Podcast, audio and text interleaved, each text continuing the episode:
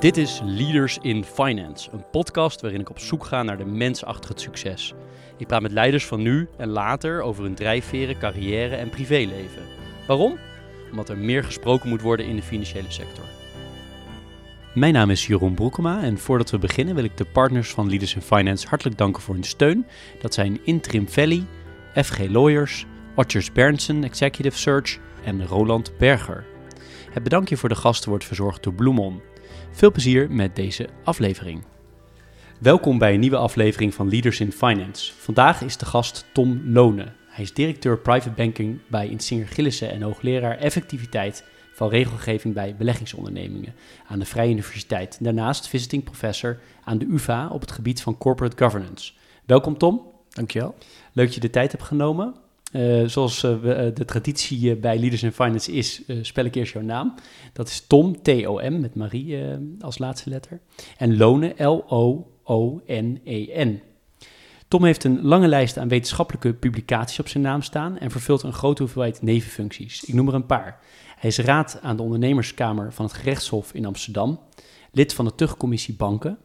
Hij is gerechtelijk deskundige voor rechtbanken en hij was lange tijd lid van de tucht- en geschillencommissie van het DSI. Hij werkte aan het begin van zijn carrière voor Fortis. Daarvoor studeerde Tom bedrijfskunde aan de Universiteit van Lincolnshire en behaalde een MBA aan de Universiteit van Sunderland. Tevens is hij gecertificeerd financieel planner, deed hij een postdoctorale opleiding gerechtelijke deskundige aan de Universiteit Leiden en promoveerde aan de UvA op het effect van de zorgplicht op de beleggingsdienstverlening. Een paar getallen over Insinger Gillissen op basis van de jaarcijfers 2019. Er wordt circa 24 miljard aan vermogen beheerd. Er werken iets meer dan 300 mensen en de omzet bedroeg 90 miljoen euro. Tot slot uh, over Tom persoonlijk. Hij is 50 jaar oud. Hij woont met zijn gezin en drie kinderen in Heemstede. Dus ik denk dat we zo een, mooi eerste beeld hebben uh, van jou. En waar ik eigenlijk mee wilde starten is kijken naar die, naar die drie belangrijke delen van jouw werkende leven. In de eerste plaats uh, bij de bank. Uh, misschien kan je iets meer vertellen over bijvoorbeeld uh, de, de klantengroepen van Insinger Gillissen. Wat moet ik me daarbij voorstellen? Wie, wie bankieren daar nou? Zonder uiteraard namen te noemen, want dat zal niet de bedoeling zijn. Maar kan je daar een beetje iets van een beeld van, van schetsen? Nou, wat typisch um, onze klanten zijn, dat is um, oud geld. Families die al decennia bij onze bankieren of onze rechtsvoorgangers. Stichtingen en verenigingen, belangrijke doelgroep voor ons. En wat zeker niet uit te vlakken is, is um, de ondernemers. Ondernemers die soms heel jong al vermogen maken. Uh, hun passie is ondernemen en niet uh, het beheren van het vermogen. En dat laten ze dan graag aan ons over. Dus dat zijn wel drie belangrijke groepen voor ons. En zijn dat met name mensen die ook uh, gevestigd zijn in Nederland of in de hele wereld? Of hoe moet ik dat zien? Nou, de hele wereld is, klinkt wel heel erg mondiaal, maar we hebben, uh, het, het, meerderheid van onze klanten zit uiteraard in Nederland. Maar we hebben zeker een grote groep met internationale klanten. En is er een bepaalde, bepaalde ja, minimumvermogen wat jullie stellen als dat het voor, voor een klant interessant is om bij jullie te bankieren? Nou, ofschoon we soms het imago hebben dat we de bank zijn voor de happy few, um, vinden wij het ontzettend belangrijk dat uh, cliënten van allerlei pluimage, en daarmee bedoel ik belegd vermogen of financiële vraagstukken, zo je wil, uh, zich bij ons thuis voelen. Dus klanten met uh, enkele tonnen, wat overigens een boel geld is, hè, nog steeds, tot aan vele, vele miljoenen. En alles wat daartussen zit, dat is onze cliënt. En we hebben voor al die type cliënten hebben we een op maat gesneden uh, dienstverlening voor hen. Dus eigenlijk is iedereen welkom bij ons. En jullie werken met, uh, met circa 300 mensen. En daarnaast zitten jullie in een netwerk van private banks in Europa. Um, is, dat, is dat netwerk belangrijk voor jullie? Of is het toch vooral jullie eigen onderneming die jullie daarin runnen? Nou, vanaf 15 december zijn we zelfs um, een Europese bank. En is in Singer Gillissen uh, uh, gaat werken vanuit een Luxemburgse bankvergunning. Dus we zijn dan echt één groep, de Quintet Private Bank groep. Wij ehm, eh, eh, bedrijven dus private banking vanuit Nederland, als een Nederlandse affiliate, met een eigen directie. Ja, je merkt in de praktijk nu al, en dat vind ik overigens ook erg positief aan deze ontwikkeling binnen Quintet, ja, dat we ongelooflijk veel profijt hebben van dat Europese netwerk wat we hebben. We hebben uh, een Luxemburgse bank, uh, we hebben een Zwitserse, een Engelse, een Duitse bank, maar ook um, uh, een groot filiaal in Denemarken bijvoorbeeld, om de Scandinavische markt te bestieren. Dus je merkt dat het een groep is met heel veel aspiraties, met een groot internationaal netwerk veel mensen aangetrokken met een goed netwerk. En daar profiteren niet alleen wij, maar ook onze klanten van. En uh, als je natuurlijk een, een, hele grote private bank bent, dan heb je dat, die, die merknaam is dan al nou ja, universal bekend, zeg maar, in een, in een land als Nederland. als je een van de grootbanken bent en jouw private bank, dan kent iedereen die bij, bij voorbaat. Is het voor jullie moeilijk om je als, een, uh, als wel een bekende naam, maar niet zo'n grote naam als zo'n grootbank, om je jezelf naar, ja, naar buiten toe te brengen als, als, als naam voor, als keuze voor, voor een private bank, voor een klant? Nou, Jeroen, ik denk dat hier bescheidenheid past. Um, um, Quintet Private Bank is gewoon nog geen bekende naam. Punt. Ik denk dat in Singer Gillissen in de Nederlandse markt een vele malen bekendere naam is. Het is ook um, heel bewust dat men ervoor heeft gekozen om die lokale namen, zoals een Merck Fink in Duitsland of een Brown Shipley in Engeland. En dus in Singer Gillissen in Nederland, om die te handhaven.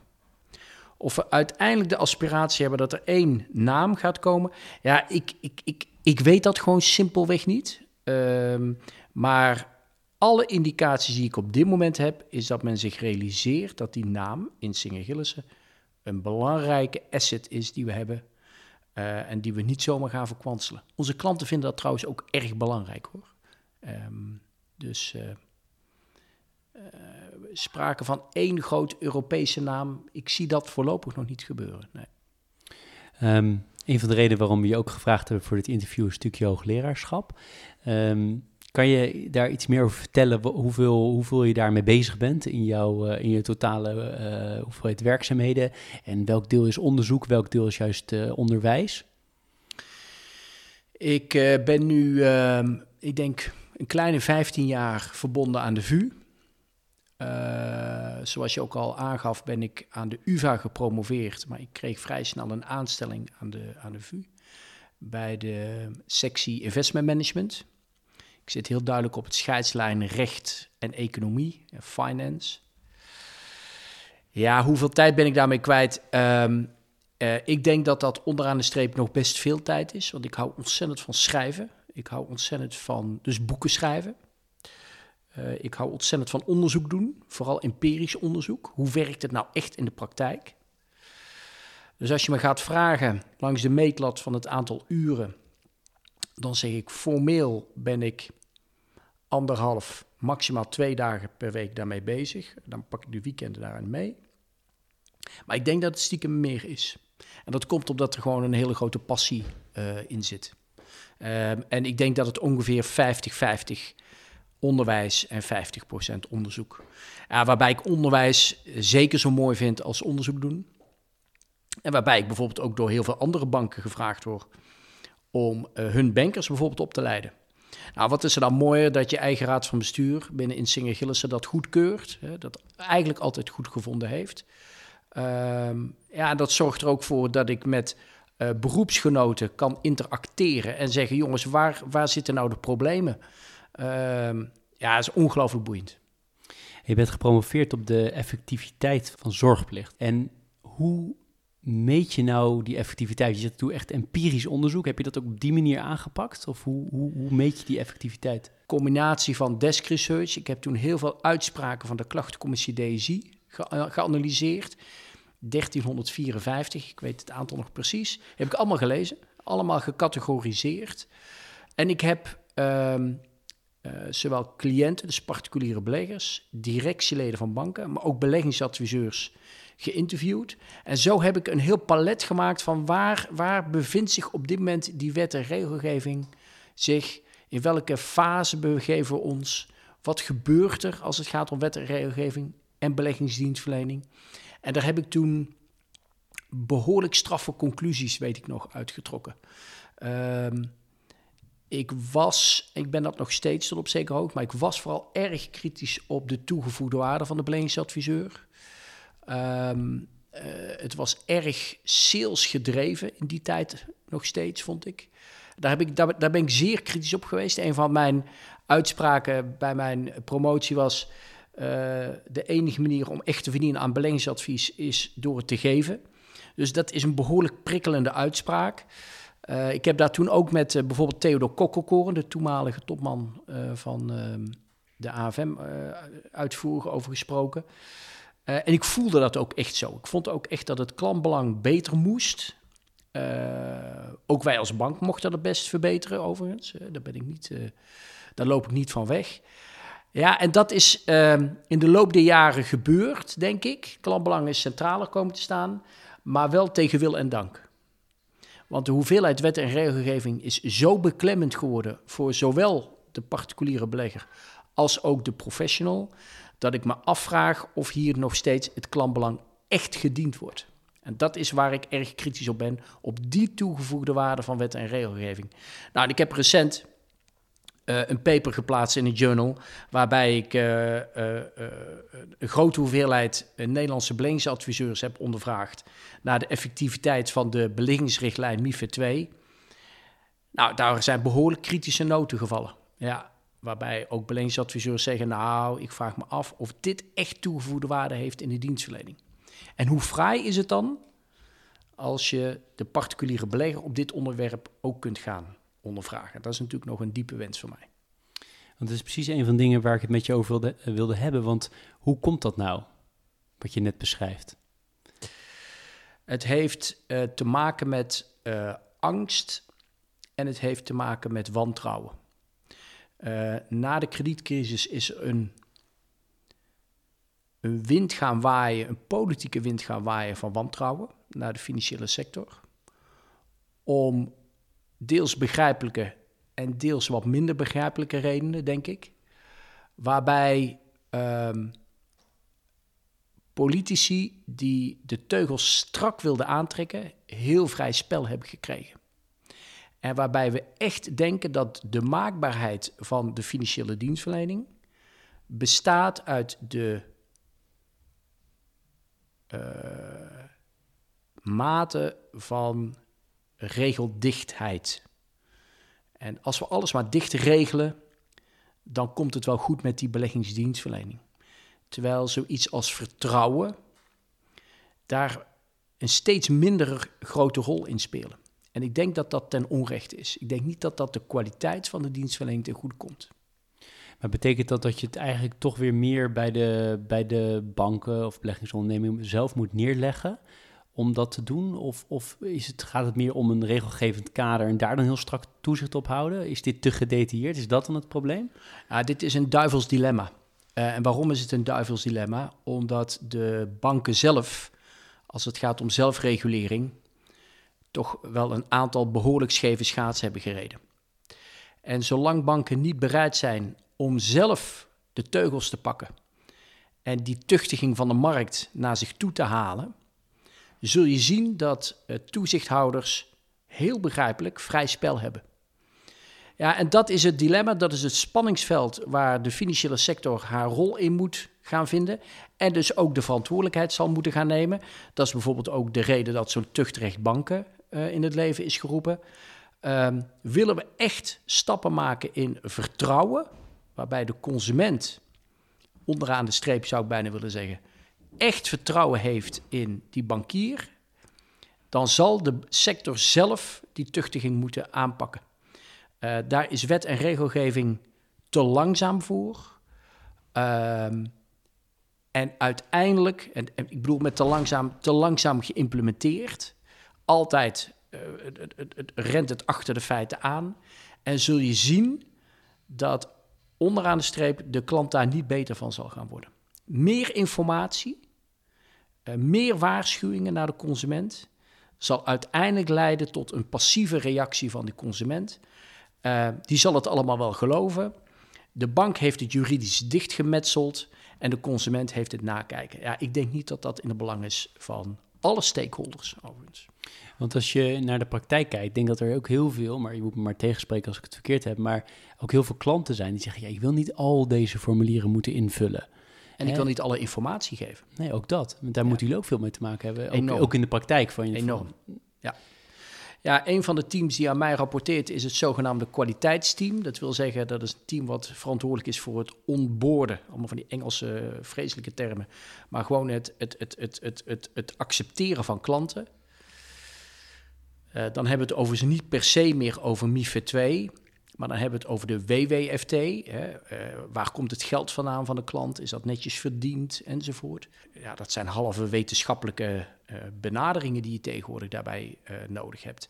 Dat zijn specialisten die ehm, dat team bestieren, die ervoor zorgen dat die bankers hun werk goed doen, dat die de juiste documenten vragen. Ja, en je slaat de spijker op zijn kop, Jeroen. er zijn natuurlijk gewoon klanten om heel begrijpelijke redenen die zeggen, ja, maar luister eens, beste bankier. Ik wil best met bedrag X bij jou komen bankieren, maar openheid van zaken geef ik maar tot een zekere uh, hoogte, omdat mijn privacy daarbij gewoon in het gedrang komt. Ja, en dan zie je dat ook daar een gespannen uh, situatie ontstaat.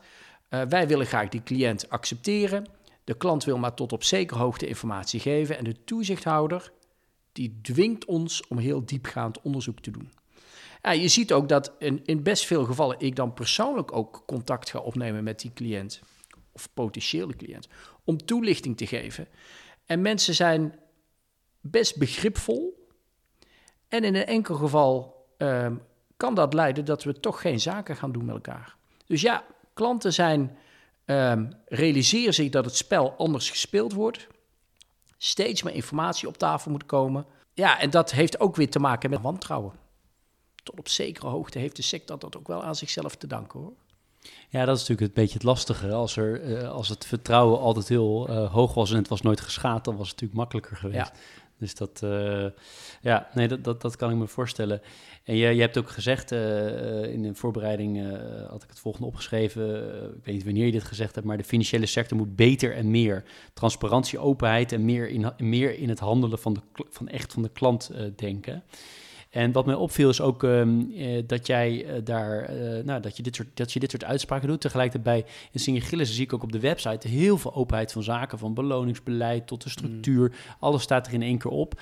Is dat iets wat makkelijker is om als relatief, relatief kleinere organisatie te doen dan als grote? Of is dat gewoon iets wat, je, wat iedereen zou moeten doen? Nou, dat vind ik lastig om te beantwoorden. Ik, ik vind niet dat ik op de stoel zit om namens uh, andere grootbanken te spreken. Wat ik wel kan zeggen is, doordat ik in de directie zit bij de bank, uh, heb ik daar ook wel. Uh, en overigens, ik niet alleen, ik doe dat echt met vele andere collega's. Ja, heb je daar ook wel een, een, een zekere zeggenschap in? Um, en op sommige punten ehm, ehm, krijg je je zin, op andere punten niet. Zo gaat het dan in het leven. Maar als het grosso modo maar op een niveau is waarvan je zelf zegt: Oké, ik kijk mezelf in de spiegel aan en ik kan mezelf ook in de spiegel aankijken. En dat is in de kleine twintig jaar dat ik nu bij Insinger Gillissen werk en de rechtsvoorgangers, is dat altijd het geval geweest. We waren eigenlijk aan de wetenschappelijke kant bezig. Wat, wat is iets wat jij echt heel graag nog verder zou onderzoeken? Waar, waar ben je nu mee bezig? Of wat zeg je, dat wil ik later, uh, op een later tijdstip nou echt nog eens in die financiële sector. Uh, uh, en je zei met name empirisch, hè? je doet graag empirisch onderzoek. Wat zou je nou echt graag empirisch willen onderzoeken? Nou, ik ben nu bezig samen met Ortec Finance om een pan-Europees onderzoek uit te rollen. dat staat echt al in de stijgers. Waarbij we in dit geval 25 Europese banken gaan ondervragen. Hoe ga je nou om met het ken uw cliënt beginsel? Uh, wij hebben hele duidelijke signalen dat binnen de EU, of schoon we daar toch met één Europese richtlijn werken, er op verschillende manieren met die richtlijn wordt omgegaan. En ik vind het ongelooflijk spannend om te zien waar zitten dan die verschillen. Hoe gaat Italië daarmee om? Hoe gaat Duitsland daarmee om? Uh, hoe verhoudt zich dat tot de Nederlandse aanpak met allerlei uh, uh, additionele leidraden waar wij in Nederland mee werken en Engeland trouwens ook. Dus dat is iets wat ik heel graag uh, onderzoek. Ehm, en in 2021 zal ik de eerste stappen gaan zetten om mijn leerstoel te gaan veranderen naar uh, financiële integriteit. Waarbij ik dus wat meer naar die CDD, anti-money laundering kant mijn onderzoek zal gaan verleggen, als het ware. Ik ben een beetje klaar met de WFT en MIFID 2 na dit onderzoek. Uh, dat pan-Europese onderzoek. En ik zal mijn pijlen iets meer gaan richten op die WWFT, die wet ter voorkomen van witwassen en terrorismefinanciering. Ja, dat is ondertussen een eh, hele grote sector geworden met uh, ja. geloof meer dan 8000 man bij de, bij ja. de, bij de grootbanken. Ja. ja. Uh, en dan die, die derde pijler, hè, naast, naast de bank, de wetenschap, ben je ook actief bij de ondernemerskamer. Ja. kan je daar iets meer over zeggen wat jouw rol daar is? Ja, daar ben ik raad of raadplaatsvervanger, zoals dat dan formeel heet. daar ben ik sinds een, een jaar. Um, en daar word je in beginsel benoemd voor vijf jaar. En wat ik doe is samen met de raadsheren um, zaken beoordelen, zowel op papier als ter zitting. Dus je hebt volledige bevoegdheid, net als de raadsheren. Je doet dat met twee raden en met drie uh, raadsheren. En geschillen tussen ondernemingen of tussen ondernemingsraden en ondernemingen, die beslechten wij, die, daar oordelen wij over. Ja, dat is een ongelooflijk interessant werk. Interessant, intensief, zeer intensief. Um, en in alle eerlijkheid ben ik ook al wel een beetje verrast na dat jaar. Ik heb al veel zaken mogen doen. En je ziet eigenlijk toch elke keer weer dat C-woord terugkomen: communicatie. Uh, hoe slecht of hoe beperkt mensen soms met elkaar communiceren. Uh, hoe hardvochtig mensen soms in, in, in standpunten kunnen blijven hangen uh, weigeren daar afstand van te nemen. Terwijl je toch eigenlijk als buitenstaander ziet van joh, als we allemaal een klein stapje naar links of naar rechts doen, dan ontstaat daar een nieuwe ruimte. Fascinerend, zeer interessant, ook technisch boeiend, uitdagend. Dus ja, dit is wel echt iets wat bij mij past, denk ik. Ja. En een vraag die ik wilde stellen, die misschien raar overkomt bij jou, maar je zei ook, ik ben een beetje op het raakvlak economie, uh, uh, ik voeg er dan zelf finance aan toe en rechten. Maar je, je ben je nou ook jurist? Of ben je, nee, hè? want je doet allerlei zeer juridische dingen. Ja. Maar ik, heb, ik zat in de voorbereiding te kijken, maar ik kwam het niet tegen. Nee. maar je bent eigenlijk wel in alles wat je doet. Je kan dit niet doen met een, een enorme juridische hoeveelheid juridische kennis, toch? Nou ja, ik heb het geluk gehad dat ik ben gepromoveerd onder ehm, uh, onder andere Edgar Duperon, toch wel een autoriteit op civiel recht. Dus ik moest heel snel mijn juridisch pootje bijtrekken. Heb dat ook gedaan. Later ook als gerechtelijk deskundige in Leiden heb ik die opleiding gevolgd. Dus ja, ik ben formeel geen jurist. ik ben wel op een juridisch proefschrift gepromoveerd. Dat kan ook. Hè, dat is, ehm, en zo is het gegaan. Dus ja, enerzijds economie, anderzijds recht. Ja, dat, is toch, uh, dat zijn de twee liefdes uh, op zakelijk gebied. Ja, want als je nu nog een studie rechten zou doen, zou het ontzettend simpel voor je zijn. Heb je ooit nog wel eens gedacht, ik, ik doe het gewoon even? Ik heb net een, uh, een blok ondernemingsrecht gedaan. dat is ongeveer een half jaar geweest aan de VU. Ja, dat is dan goed te doen. Ook vanwege mijn werk bij de ondernemingskamer wilde ik dat heel graag doen. Ik deed dat samen met een collega-raad van de ondernemingskamer. Dan is dat goed te doen, Jeroen, maar het moet er allemaal wel tussendoor en bovenop. En met drie kinderen en een vrouw en uh, nog andere hobby's is dat best pittig, als ik eerlijk ben. Ja. Nou, dat is een mooi bruggetje. We vragen ook altijd aan alle gasten: kan je iets wat je wilt delen, vertellen over hoe je bent, uh, bent opgegroeid? De privékant. Ja hoor, ik ben uh, zoon van een slager. Ik kom uit Brabant, zoals je aan mijn zachte G uh, hoort. Uh, ik kom uit een klein dorp, Dongen, vlakbij Oosterhout-Breda. Mijn vader en moeder waren hardwerkende ondernemers. Ben daar ook in opgegroeid. Kom ook echt uit een ondernemersfamilie. Studeren was helemaal niet gebruikelijk. Maar ik had vrij jong al door dat ik ja, of bankier wilde worden of rechter. En dat is ook echt zo. Ik was, mijn moeder heeft wel eens gezegd dat ik 12 of 13 was, dat ik daar al mee bezig was. Uh, en uiteindelijk ben ik die kant ook opgegaan. Ik ben op mijn negentiende, denk ik, naar, uh, naar het noorden van het land, of het westen, zo je wil, naar Amsterdam getogen. Uh, ben uiteindelijk vrij vroeg gaan werken en s'avonds gaan studeren. En ik krijg bij Fortis de mogelijkheid om in Engeland mijn doctoraal te gaan halen en mijn MBA. Ik heb ongelooflijk veel geluk gehad. En uh, dus ja, uit zo'n gezin kom ik aanpakken. Ehm, zeker geen ehm, intellectuele hoogdraverij. heel concreet.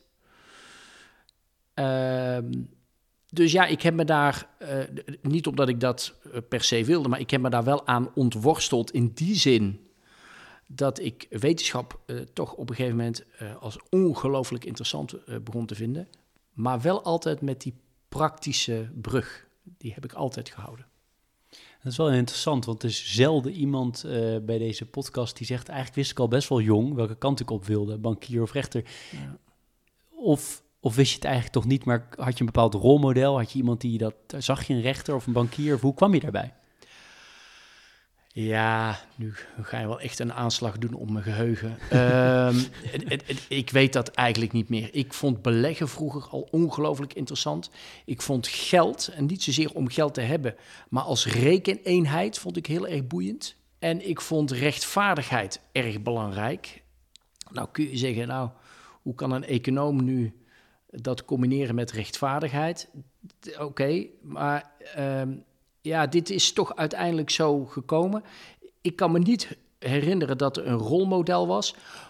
Dat is niet helemaal waar. Er is een, uh, het zou mooi zijn als je dit zou horen.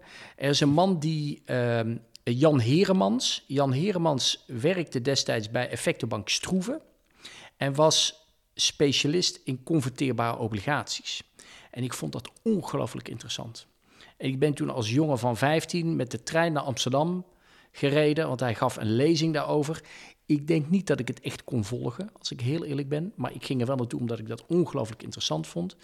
En uh, nou, ik heb de, jaren later Jan Heremans uh, nog vaak gesproken, ook bij DSI bijvoorbeeld.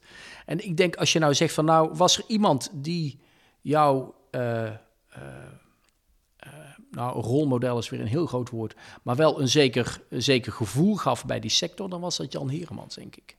Later in mijn carrière is het wel, eh, denk ik, goed om te zeggen dat er diverse mensen, ik denk dat ik er dan eh, een stuk of vier, vijf in mijn carrière heb ontmoet, die, ja, die toch een soort en dat bedoel ik in de positieve zin des woord, een kruiwagenfunctie hebben gehad. Die het in jou zagen, uh, zagen zitten en mij ook wel geholpen hebben. Hè. En, en, en, en, die zijn er absoluut geweest. Ik denk dat iedereen die nodig heeft. En die heb ik ook gehad. Waarom uh, het Verenigd Koninkrijk voor studies? Ja, ik kreeg die kans en ik um, vond um, dat studeren in het buitenland, dat vind ik nog steeds erg interessant. Ik heb het geluk gehad dat ik ook een paar opleidingen buitenland daarna heb mogen volgen. Ik vind soms Nederland iets te beperkt qua uh, gezichtsveld. En ik kreeg de mogelijkheid om dat in het Engeland te gaan doen. Uh, eentje in Midden-Engeland en eentje wat meer in het noorden. En ik heb die met beide handen aangegrepen. Uh, het zijn volwaardige doctoraalstudies. Dat vond ik wel belangrijk om later ook te kunnen promoveren. Uh, als ik dat wilde, maar ik had dat wel een beetje in mijn hoofd. Maar ik vind het ongelooflijk spannend. Ik hoop ook dat mijn kinderen dat gaan doen. Toch iets meer de, de vleugels uitspreiden. Uh, je bent ja. dus ook jaren weg geweest. Ja, ik heb dat altijd ook wel op afstand gedaan en, en heen en weer vliegen en dat soort dingen. Dus, dus het, het, het, het was eigenlijk allemaal prima te doen, te handelen. Uh, ik moet je ook eerlijk bekennen dat mijn vrouw mij daar ook ontzettend in uh, gestimuleerd had of heeft. Uh, we hadden natuurlijk nog geen kinderen, dus dat scheelt ook heel erg veel natuurlijk. Dus ja, dat waren wel intensieve tijden. Mijn vrouw studeerde toen ook nog. maar samen ja, kun je dan toch die uitdagingen wel aan. Je hebt nu al lange tijd dat je mensen aanstuurt in teams. Je, bent natuurlijk ook, je geeft natuurlijk ook les op de universiteit. Hoe motiveer jij, of het nou je studenten zijn of je medewerkers, maar hoe motiveer jij mensen? Um, nou, ik probeer, of het me lukt is aan de anderen, maar ik probeer uh, me op te stellen als, uh, als mens. Dus niet als een alwetende manager. Um, ik probeer mensen ook mee te geven dat ik soms dingen ook gewoon niet weet, eenvoudigweg. Dat we er samen achter moeten komen. Ehm, en ik, ik, ik ben wel iemand waarbij het glas heel vaak half vol is. Uh, dus ik ben geen pessimist van huis uit niet. Misschien zelfs een opportunist, zo je wil. Uh, ik zie ook wel kansen. En ik heb van nature een behoorlijke neiging om te controleren. Dat is geen positieve kant van mij. Maar daar staat tegenover dat als je eenmaal mijn vertrouwen gewonnen hebt, dat je ook heel ver bij me kunt gaan. Dus ik geef vertrouwen, uiteindelijk. Veel vertrouwen, denk ik. En ik, uh, en dat is misschien het allerbelangrijkste, ik ben iemand die niet mijn mensen in de wind uh, zal duwen. Dus ik zal vrij snel voor mijn mensen gaan staan. En ook verantwoordelijkheid nemen. Ja, ja daar, ben ik, daar loop ik niet voor weg. Is dat iets wat je altijd gehad hebt? Of heb je dat ontwikkeld in de loop der tijd? Nee, dat denk ik dat ik altijd wel gehad heb, ja. Ik heb ook een... Um, ik heb om te beginnen heb ik eigenlijk eh, liever niet te maken met mensen waar het altijd goed mee gaat. Dat geloof ik namelijk niet. Durf je daar ook kwetsbaar in op te stellen? En mensen die altijd politiek handig op het juiste moment wegspringen, daar heb ik ook niet zo heel veel mee. Nee, uh, als je een verantwoordelijkheid hebt en je wordt daarvoor betaald, dan moet je hem ook nemen. Um, zelfs in het geval dat dat ultieme consequenties zou hebben. Ja, ja, dat maakt mij dus ook niet zo heel erg geschikt voor de politiek, denk ik. Nee. nee. Gaan Tom Lonen niet, uh, niet in de Tweede Kamer zien? Niet zomaar, denk ik, nee. nee. Onwaarschijnlijk. Ja. Wat is jouw, um, jouw de belangrijkste toevoegde waarde die je wil hebben in de, in de samenleving? Je bent ontzettend breed georiënteerd. Er zijn maar weinig mensen die en aan die rechterlijke kant en in de wetenschap en gewoon in het nou, bedrijfsleven, de financiële wereld werken. Wat is de, de, de rode draad in jouw toegevoegde waarde als je over al die dingen heen kijkt? Mijn toegevoegde waarde um, is, um, hoop ik, een reële kijk op dingen. Weten hoe het ook op de werkvloer gebeurt. Dus niet alleen een zolderkamer wetenschapper, maar ook heel duidelijk die brugfunctie tussen theorie en praktijk. Uh, ik denk dat dat de belangrijkste toegevoegde waarde is. Althans, dat hoop ik dat anderen dat over mij zouden zeggen. Ja. Hoe kijk jij naar de, naar de, naar de financiële wereld als, um, uh, als geheel? Het is natuurlijk ontzettend, aan de ene kant ontzettend belangrijk. Uh, voor het laten draaien van de hele samenleving, zou je bijna kunnen zeggen, in ieder geval de hele economie. En aan de andere kant een sector die zo gigantisch groot is, uh, zo vele malen groter is dan eigenlijk dan de reële economie. Hoe, hoe kijk je daar zelf naar? Of is dat een, zijn dat bijna filosofische vragen waar je meestal niet mee bezig gaat? Je, zit je meer toch aan die empirische kant?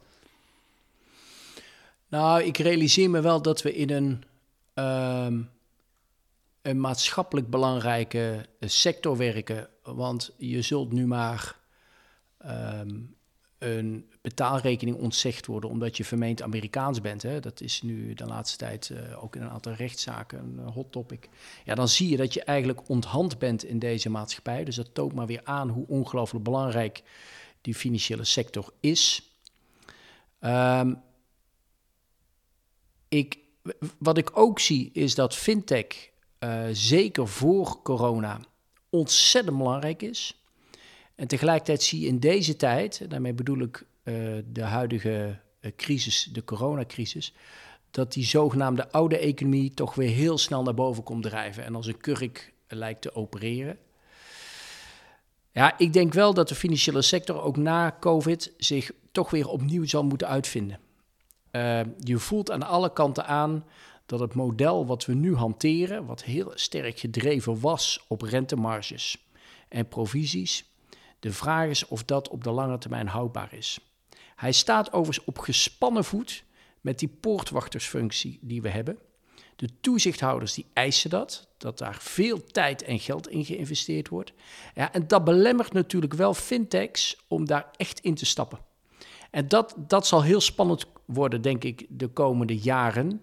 Hoe gaan die krachten zich uiteindelijk uitwerken? Welke rol speelt daar de conventionele huidige financiële sector in? En hoe gaan fintechs daarop kunnen anticiperen? Want ja, Jeroen, als je kijkt hoeveel kapitaal er nodig is om aan die poortwachtersfunctie te blijven voldoen, dan eh, zie ik het voor een aantal fintechs weinig rooskleurig in en zullen zich vrij snel moeten aansluiten bij conventionele partijen. Wat op zichzelf helemaal niet zo heel erg hoeft te zijn. Maar ehm, ja, die toegevoegde waarde, iets, iets waar ik ook als bankier ongelooflijk mee bezig ben. Wat, wat, wat lever ik nu echt voor mijn commissie, hè, voor mijn beheerfee of, of welke koststructuur je ook hebt. Wat lever ik nu echt en is dat duurzaam? Is dat houdbaar op termijn? Ja, dat zal denk ik een van de grotere vragen worden in de komende jaren. Wat lever je tegen welke prijs en is het echt toegevoegde waarde? Dan zou je zelfs kunnen stellen dat door de, de, de mate van toezicht, hè, of je zou, hè, naar aanleiding van het begin van ons gesprek, het gebrek aan vertrouwen, waardoor je heel veel extra toezichtseisen krijgt, onder andere ook om andere redenen, zou je kunnen stellen dat dat zelfs leidt tot een soort van convergerende werking naar minder diversiteit in dat, in dat systeem. Zeker.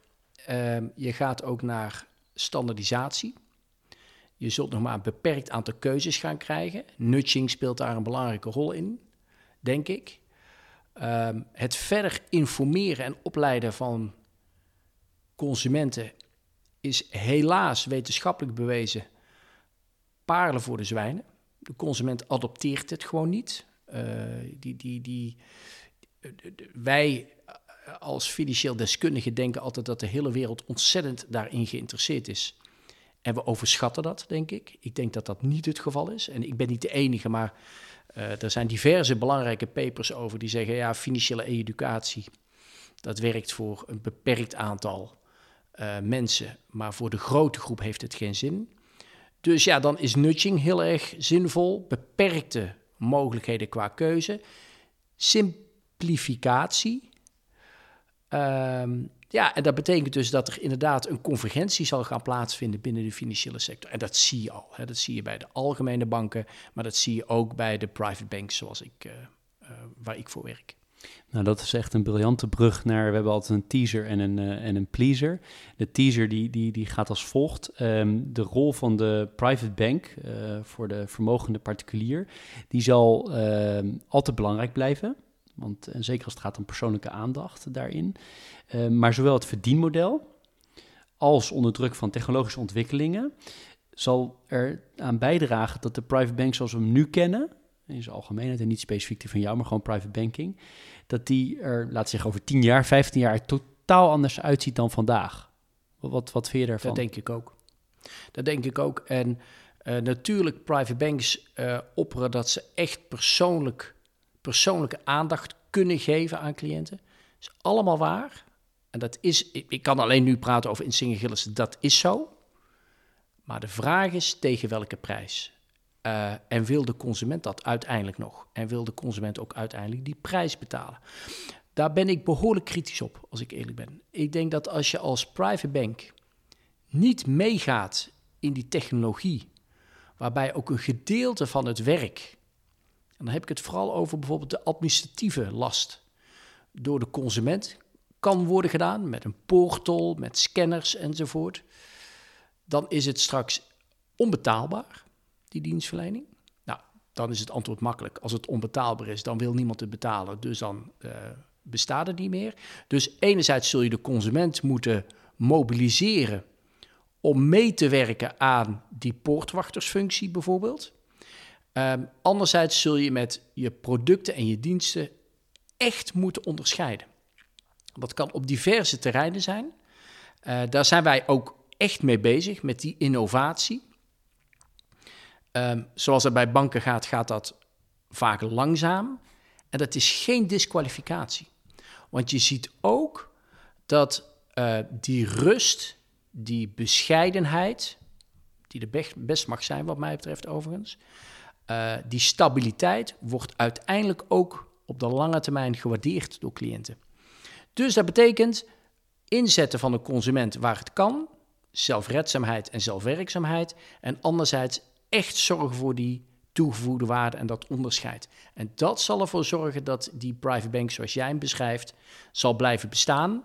En die zal zeker op terreinen, belangrijke terreinen, afwijken van het huidige model. Ja, want om hem toch een beetje teasend te maken, als ik had gezegd de private bank uh, bestaat over 15 jaar niet meer, dan had jij gezegd nee, hij bestaat wel. Nee, ik denk dat die zeker bestaat. Ik werk nu 30 jaar uh, uh, in deze sector en ik heb natuurlijk me regelmatig afgevraagd hoe lang bestaat die private bank nog. Um, en iedere keer opnieuw blijkt die toegevoegde waarde toch dusdanig te zijn dat die consument bereid is om daarvoor te betalen. En die bestaat uit aandacht, soms ook uit het gebrek aan aandacht bij anderen. Dus dan wordt het een relatief spel. Overigens geloof ik dat je dat ook maar beperkt volhoudt hoor. Um, maar iedere keer opnieuw merk je dat al 20, 30, 40 jaar contact met een familie er echt voor zorgt dat er een binding is met die cliënt. En die is zo ongelooflijk sterk dat ik denk dat dat wel een van de pilaren zal zijn en blijven van de private bank. En ik haalde al even het verdienmodel aan. Je zou ook kunnen, kunnen zeggen, wat veel mensen zeggen, je gaat veel meer betalen voor de diensten die geleverd worden, in plaats van uh, een, een, een percentage over het beheerdvermogen of dat soort verdienmodellen. Zou het veel meer die kant op gaan ook? Dat het echt een dienstverlening is, een service? Nou, um, jij bent er niet over begonnen tijdens de introductie, maar ik ben uh, twee jaar weg geweest bij Insinger de Beaufort destijds. Uh, nu Insinger Gillissen. Uh, ben ik met een groep mannen in dit geval, ben ik een nieuw bedrijf begonnen. My Private CFO, samen met NIBC, de bank in Den Haag. echt als ondernemer een model gemaakt, een soort family office concept van le lettre in die zin dat we met een grote portal werkten, waar welgestelden op konden inloggen en hun totale bezitting en schulden uh, zagen. Prachtig model. Dat deden wij tegen een vaste fee per maand. En Jeroen, ik sta er nog steeds achter. Want het was inclusief beleggingen en advisering enzovoort. Maar was ongekend lastig om um, uh, leefbaar te maken en te houden. Nou, dat kan dat aan ons gelegen hebben, dus ook daar wil ik dan voorzichtig in zijn. Uh, ik zie wel meer initiatieven. Dat blijkt toch heel erg moeilijk te zijn. Daarmee zeg ik niet dat het onmogelijk is, maar timing, of schoon ik niet geloof in timing qua beleggen, maar timing is hier wel ongelooflijk belangrijk. En vergis je niet, diverse onderzoeken laten ook zien hoe honkvast de consument is als het gaat om zijn banken. Um, dat heeft mij ook verrast hoor, trouwens. Um, en, en dat moest ik toen ook met ledenogen aanzien. Maar het starten van een nieuwe financiële dienstverlening, eh, lener, met een ander verdienmodel bleek toen in ieder geval uitermate lastig. En ook nu nog, denk ik. Ja, ik denk dat het ook wel uit zou maken of als een, als een echt een, een van de allergrootste namen in de wereld dit lanceert, is misschien ook wel weer anders. Um, of het gaat nog wel komen, maar zoals jij zegt, misschien niet nu. Het, uh, de timing misschien later. Ja. Maar dat, ik kan me best voorstellen, maar dat is mijn persoonlijke mening, dat er een punt komt dat mensen toch zoiets hebben. Ik koop gewoon mijn services in. Ook al is dat een hele lange duur, langdurige relatie, maar ik blijf bij diezelfde inkopen.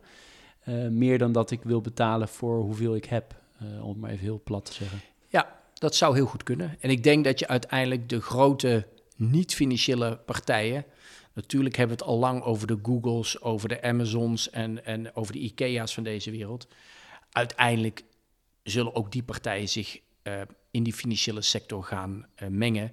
Al is het alleen al omdat ze die data, die big data, gewoon ongelooflijk uh, aantrekkelijk vinden. Dus iets wat we ons nu nog niet kunnen voorstellen, wellicht, dat zou er zomaar over vijf jaar kunnen zijn. Aan de pleasende kant vragen we altijd hetzelfde. Is er een, um, een bepaald boek wat heel veel invloed op jou heeft gehad? Of is er een bepaald boek wat je graag aan mensen cadeau geeft? Of is er een bepaald soort boeken? Ik kan nog iets uitbreiden, een bepaald soort boeken wat je het liefst leest? Ja, ik lees uh, heel graag uh, geschiedenis. En uh, daar gaan diverse boeken door mijn hoofd. Maar een, een boek wat ik ongelooflijk interessant vond, was het boek HHH. dat gaat over, over, over Heinrich Himmler, de topman van de Gestapo destijds. Uh, die is uiteindelijk uh, vermoord uh, vanuit zijn auto. En dat hele boek dat wordt beschreven vanuit zijn ogen. En ik, ik, ik vind dat ongelooflijk interessant. Tijdens mijn colleges aan de UvA gebruik ik ook zeer veel anekdotes uit de Tweede Wereldoorlog. moreel heroism. het is heel makkelijk om vanuit de huidige vrije positie te oordelen en te veroordelen over het verleden. Um, mensen die in het kamp hebben gezeten, mee hebben gewerkt met de Duitsers om te overleven, is heel makkelijk om die mensen nu aan te vallen. Dat soort vraagstukken, dat zijn morele vraagstukken wat mij betreft, vind ik ongelooflijk spannend om dat te gebruiken in mijn, uh, in mijn college. Hier vlakbij in Heemstede heb je een landgoed waarbij de familie Goedman woonde, de grondleggers van de Dresdnerbank. En die uh, tegen het einde van de Tweede Wereldoorlog al hun kunst hebben moeten afstaan aan de Duitsers en zelf omgebracht zijn in een van de kampen.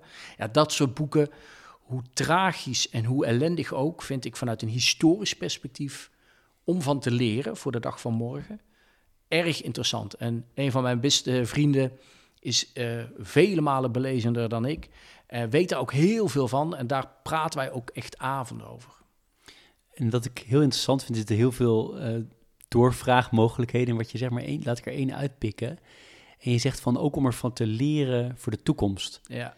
Wat, wat, wat voor soort dingen haal je eruit voor de toekomst?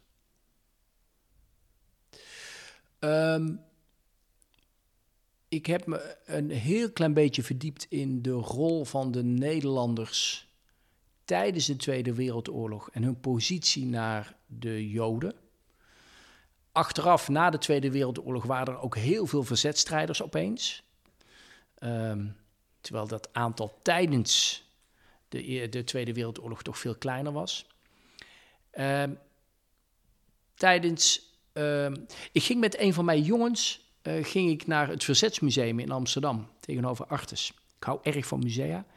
En daarin kwam, werd de morele vraag, het dilemma uh, neergelegd.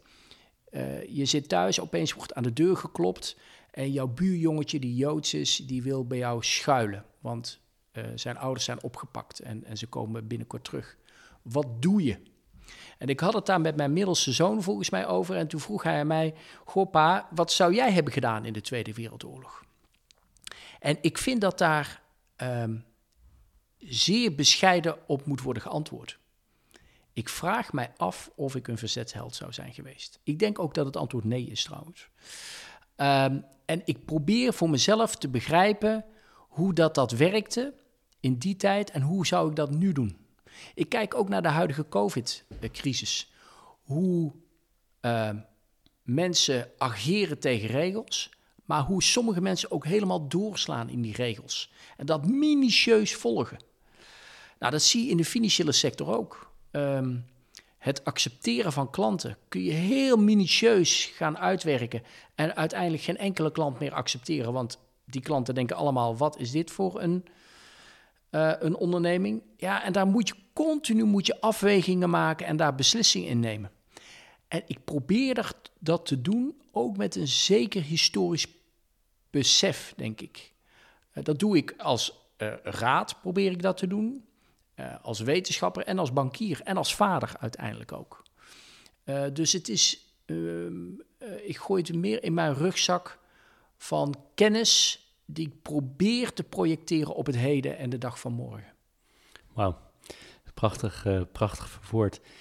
En nog even weer terug naar de, naar de boeken. Uh, op, op een heel ander gebied. Uh, lees je ook bepaalde dingen om puur ter ontspanning? Of is dit ook ter lering, maar ook ter ontspanning? Ja, dit is echt wel ter ontspanning ook. Ja. Ja en ik moet voor mijn werk... moet ik al zo verschrikkelijk veel lezen... dat de kansen dat ik boeken... de tijd dat ik boeken kan lezen voor ontspanning... dat is echt tijdens de vakantie door de week, in het weekend, dat is onmogelijk bij mij. En dat is jammer, maar dat is wat het is. Nou ja, het klinkt alsof jij, je hebt zoveel interesses, dat je zou wel uh, vijf keer de hoeveelheid tijd kunnen gebruiken in een week waarschijnlijk om, om alles te, te, te bevredigen. nog een aantal, um, aantal andere vragen. Um, als je kijkt, je, je, komt op mij heel bescheiden over in de korte tijd dat we elkaar hebben leren kennen. Maar als je naar je hele loopbaan kijkt, wat is nou waar je het meest trots op bent? Of wat zijn een paar van de dingen waar je heel trots op bent? Zakelijk gezien. Of privé mag ook, maar... Nou ja. Dat is waarschijnlijk makkelijker om te zeggen. Ja, dat is makkelijk. Drie gezonde kinderen uh, proberen groot te brengen met je vrouw is denk ik een, uh, iets waar ik wel trots op ben. Ik, het resultaat moet nog blijken en, en, en, en, en mogen ook anderen beoordelen.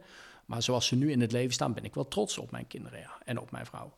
Zakelijk ik ben een zeer gedisciplineerd mens, wat natuurlijk positieve en minder positieve kanten heeft, want dat eis ik dan soms ook van mijn mensen. Nou, dat maakt je niet altijd een makkelijk, misschien zelfs niet altijd een plezierig mens. Uh, maar ik ben zeer veel eisend. Ehm uh, het betekent ook wel dat ik uh, bepaalde dingen voor elkaar krijg. Met hindsight moet ik wel eerlijk zeggen, Jeroen, dat het soms ook wel uh, met een breekijzer gedaan is. Um, ja, voor de rest probeer ik voor mezelf te realiseren dat ik mijn best doe, mijn beste beentje voorzet, ik fouten maak. Um, en ik accepteer wel, en ik, ik ben ook, eh, eh, denk ik, echt bereid om toe te geven als ik fouten maak. En daar ben ik best trots op, want dat is wel iets wat je moet doen vanuit een kracht. En dat is zeker niet op mijn 25ste was dat het geval. Dus dat is, daar is wel tijd overheen gegaan. Nou, en daar ben ik in die zin wel trots op, ja. Ja, dat denk ik wel. Uh, ik, ik, ik ben niet zo heel erg gevoelig of mijn ouders per se trots op mij zijn, bijvoorbeeld. Ik denk overigens dat ze dat best zijn. Maar ik had natuurlijk net zo goed slager kunnen worden. En dat hadden ze misschien nog wel mooier gevonden. Dus ik heb het wel autonoom moeten doen. En dat is gelukt. Uh, deels vanwege mijn eigen inzet, deels vanwege mijn vrouw, denk ik, de ondersteuning. Maar ook die mensen die ik net beschreef, hè, die vijf, zes mensen die toch als steunpilaar uh, hebben gewerkt. Nou, dat je die hebt mogen ontmoeten en dat die uh, hun vertrouwen hebben uitgesproken. Dat is geen verdienste, maar het is wel prachtig als je dat uh, kunt zeggen, kijkend over je schouder. Mooi. vraag die we iedereen tot nu toe gesteld hebben is, heb je bepaalde tips voor mensen die enigszins in jouw veld of in de financiële dienstverlening of aanpalend nu starten op de arbeidsmarkt? Heb je bepaalde tips voor hen waar zij aan zouden moeten denken? Ja, ik vind dat je dapper moet zijn. Uh, ik merk als tuchtrechter bij de tuchtrechtbanken dat er toch nog wel eens mensen zijn die zeggen: Ja, ik moest dat van mijn baas of de procedure schreef dat voor. Ik voelde wel dat het niet helemaal deugde, maar toch. Uh, en dat is makkelijk, soms te makkelijk. Terecht vind ik dan ook dat zo'n tuchtcommissie je wijst op je eigen verantwoordelijkheid. En ik realiseer me dat, daar, dat dat ook een spanningsveld oplevert met al die stakeholders. Je hebt je partner thuis en je kinderen en je baas. En ik begrijp het allemaal. Maar nee zeggen, nee uh, tenzij of ja mits dat mag je best gebruiken. Je mag best ageren op gepaste manier. En ook jij hebt je steentje bij te dragen aan een, een betere financiële sector. Dat zou mijn tip zijn. En dat had ik misschien ook, als ik naar mezelf kijk, had ik dat best eerder mogen inzetten. Ik denk dat ik dat nu de laatste 15 jaar doe. Maar dat had best wat eerder mogen. Ja. En als ik dit nu hoor en ik, uh, ik sta aan het begin van mijn loopbaan, hoe doe ik dat dan? Zorg dat je een goede mentor of coach hebt, waar je dit soort dilemma's ook mee kunt bespreken. Zorg dat je open bent, ook over je kritiek. Deel het ook met anderen. Um, ik denk dat dat een hele goede is. Ik heb niet zoveel coaches gehad in mijn leven, zeker niet in het begin. En die had ik misschien best mogen hebben. Ja, die kunnen je helpen, die kunnen je aan de hand nemen, die kunnen een spiegel voorhouden. Uh, misschien heb ik dat, misschien heb ik dat gemist. Ja. Doe je het nu zelf? Ben je ook coach van mensen? Of, of nou, coach is misschien een groot woord, maar dat je mensen um, bepaalde spiegel voorhoudt? Of, ja, ik probeer wel mensen een goede raad te geven als ze erom vragen. Soms doe ik het ook ongevraagd. Uh, maar uh, nee, ik geloof niet dat ik echt mezelf als coach zou willen betitelen. Uh, maar ehm, ja, ik geef mensen wel eh, ehm, raad. Ja, zeker. Ja. Nagenoeg richting afronding werkende. je doet ongelooflijk veel dingen. je, hebt je, je hebt je gezin. Je hebt nou ja, alle dingen die we benoemd hebben die je doet. Hoe combineer je dat allemaal? Ik denk dat passie heel erg belangrijk is soms een beetje uh, een bocht voor je hoofd hebben helpt ook. Uh, dat je eh, echt ergens helemaal voor gaat en dat je dan een beetje de zaak eromheen negeert. Ik denk dat mijn vrouw dat ook zou zeggen, dat ik zeer gepassioneerd ben, maar soms ook wel verkeerde keuzes maak daarin. Ik kan me wel verliezen in passie, dus dat is, dat is wel een beetje een valkuil bij mij. Ehm, ik zeg goed nee. Ik kan echt op dingen nee zeggen waar ik gewoon echt geen zin in heb. Maar het is bijna altijd nee mits. Uh, en dat is, dat is wel erg belangrijk bij mij. Um, dus ja, hoe combineer je het? Um, goed kijken naar het aantal uren dat je beschikbaar hebt, die effectief inzetten. En ik uh, maak daar ook nog heel regelmatig uh, fouten in. Dat ik denk, ja, dat had ik toch anders aan moeten vliegen. En uh, ik realiseer me naarmate ik ouder word dat tijd natuurlijk het, het, het meest kostbare goed is wat je hebt. Uh, en daar ben ik misschien niet altijd goed mee omgegaan. Maar goed, dat is nog niet te laat als je 50 bent, hoop ik. Nee, je bent uh, bijzonder kritisch op jezelf. Ik denk dat als andere mensen deze vraag stellen, dat ze een stuk, nou ja, een stuk minder kritisch verhaal over jou zouden hebben, gok ik. Um, is, er, is, er, is er nog iets heel concreets hè, wat je, waarvan je zegt, Um, als je zo'n druk bestaan leidt, want dat kan niet anders dat dat in jouw geval zo is, mijn zinziens, want alles wat je doet, nog bepaalde concrete tips voor mensen hoe je dat, hoe je dat managt. Uh, nee zeggen is duidelijk eentje die terugkomt. Zijn er nog andere dingen waarvan je zegt, daar, um, daar kunnen mensen wat aan hebben? Sporten. Sporten? Echt heel belangrijk, ja. Uh, want je verliest jezelf zo ontzettend snel in je hoofd. Ik heb dat in ieder geval heel erg. Ik ben echt een denker. Um, maar de rest van het lijf uh, wil ook aandacht. En dat geef ik ook heel bewust. Doe ik trouwens ook graag. Ja, en voor de rest kom ik dan toch een beetje op de standaard gemeenplaatsen. Dus daar moet ik je niet te lang mee lastigvallen. Maar uh, echt kiezen wat belangrijk is voor je, dat is toch echt wel heel belangrijk.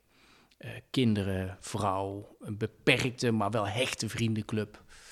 Uh, dat zijn voor mij hele belangrijke dingen waar ik me echt graag op focus. Want ik zie onderaan de streep toch heel vaak, Jeroen, dat als je jezelf te veel personificeert met je zakelijke kant en het, er gebeurt iets met de muziek, de muziek stopt, dan is toch die privékant wel heel erg belangrijk. Mooi. Ik had als laatste, uh, of ene laatste vraag had ik staan, hoe zorg je ervoor dat je mentaal en fysiek fit blijft? Nou, fysiek sporten dus. Ja. Uh, wat is het sporten bij jou? Uh, hardlopen, ik ben een zeer fanatiek mountainbiker in de duinen hier. Skiën ben ik echt gek op. Tennissen.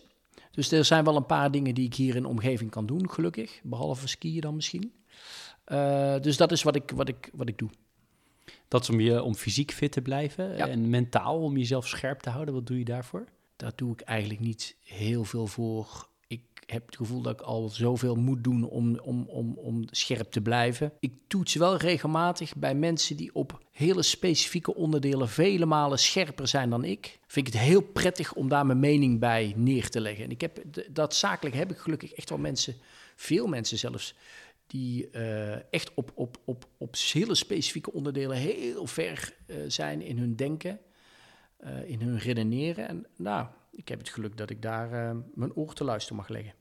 Zijn er nog zaken waarvan jij zegt, Jeroen, uh, er waren natuurlijk nog heel veel andere dingen die ik had kunnen vragen, maar waarvan je zegt, dat vind ik toch jammer dat je dat niet hebt gevraagd, of iets wat je zegt, dat zou ik graag nog willen delen, of een paar dingen? Het, enige wat ik wil zeggen is dat ik misschien wat uh, erg kritisch ben overgekomen op de financiële sector, waar ik overigens nog steeds achter sta, maar waarbij ik ook zie dat er heel veel mensen in die financiële sector echt aantoonbaar bezig zijn om de zaak te verbeteren.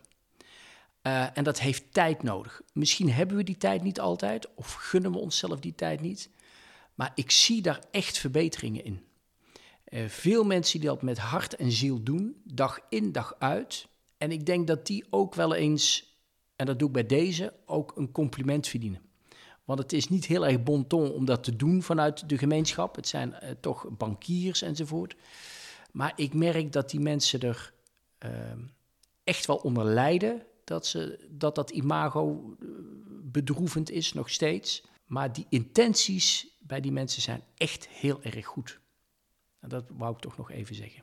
Mooi, uh, mooi einde voor uh, Leaders in Finance, uh, zou ik zeggen. Veel dank voor je tijd. Met dank aan het online bloemenbedrijf Bloemon krijg je nog zo meteen na afloop van dit, dit gesprek, dit interview, eh, een klein cadeautje. En eh, voor nu nogmaals heel veel dank voor je, voor je deelname. Graag gedaan. Ontzettend leuk om te doen.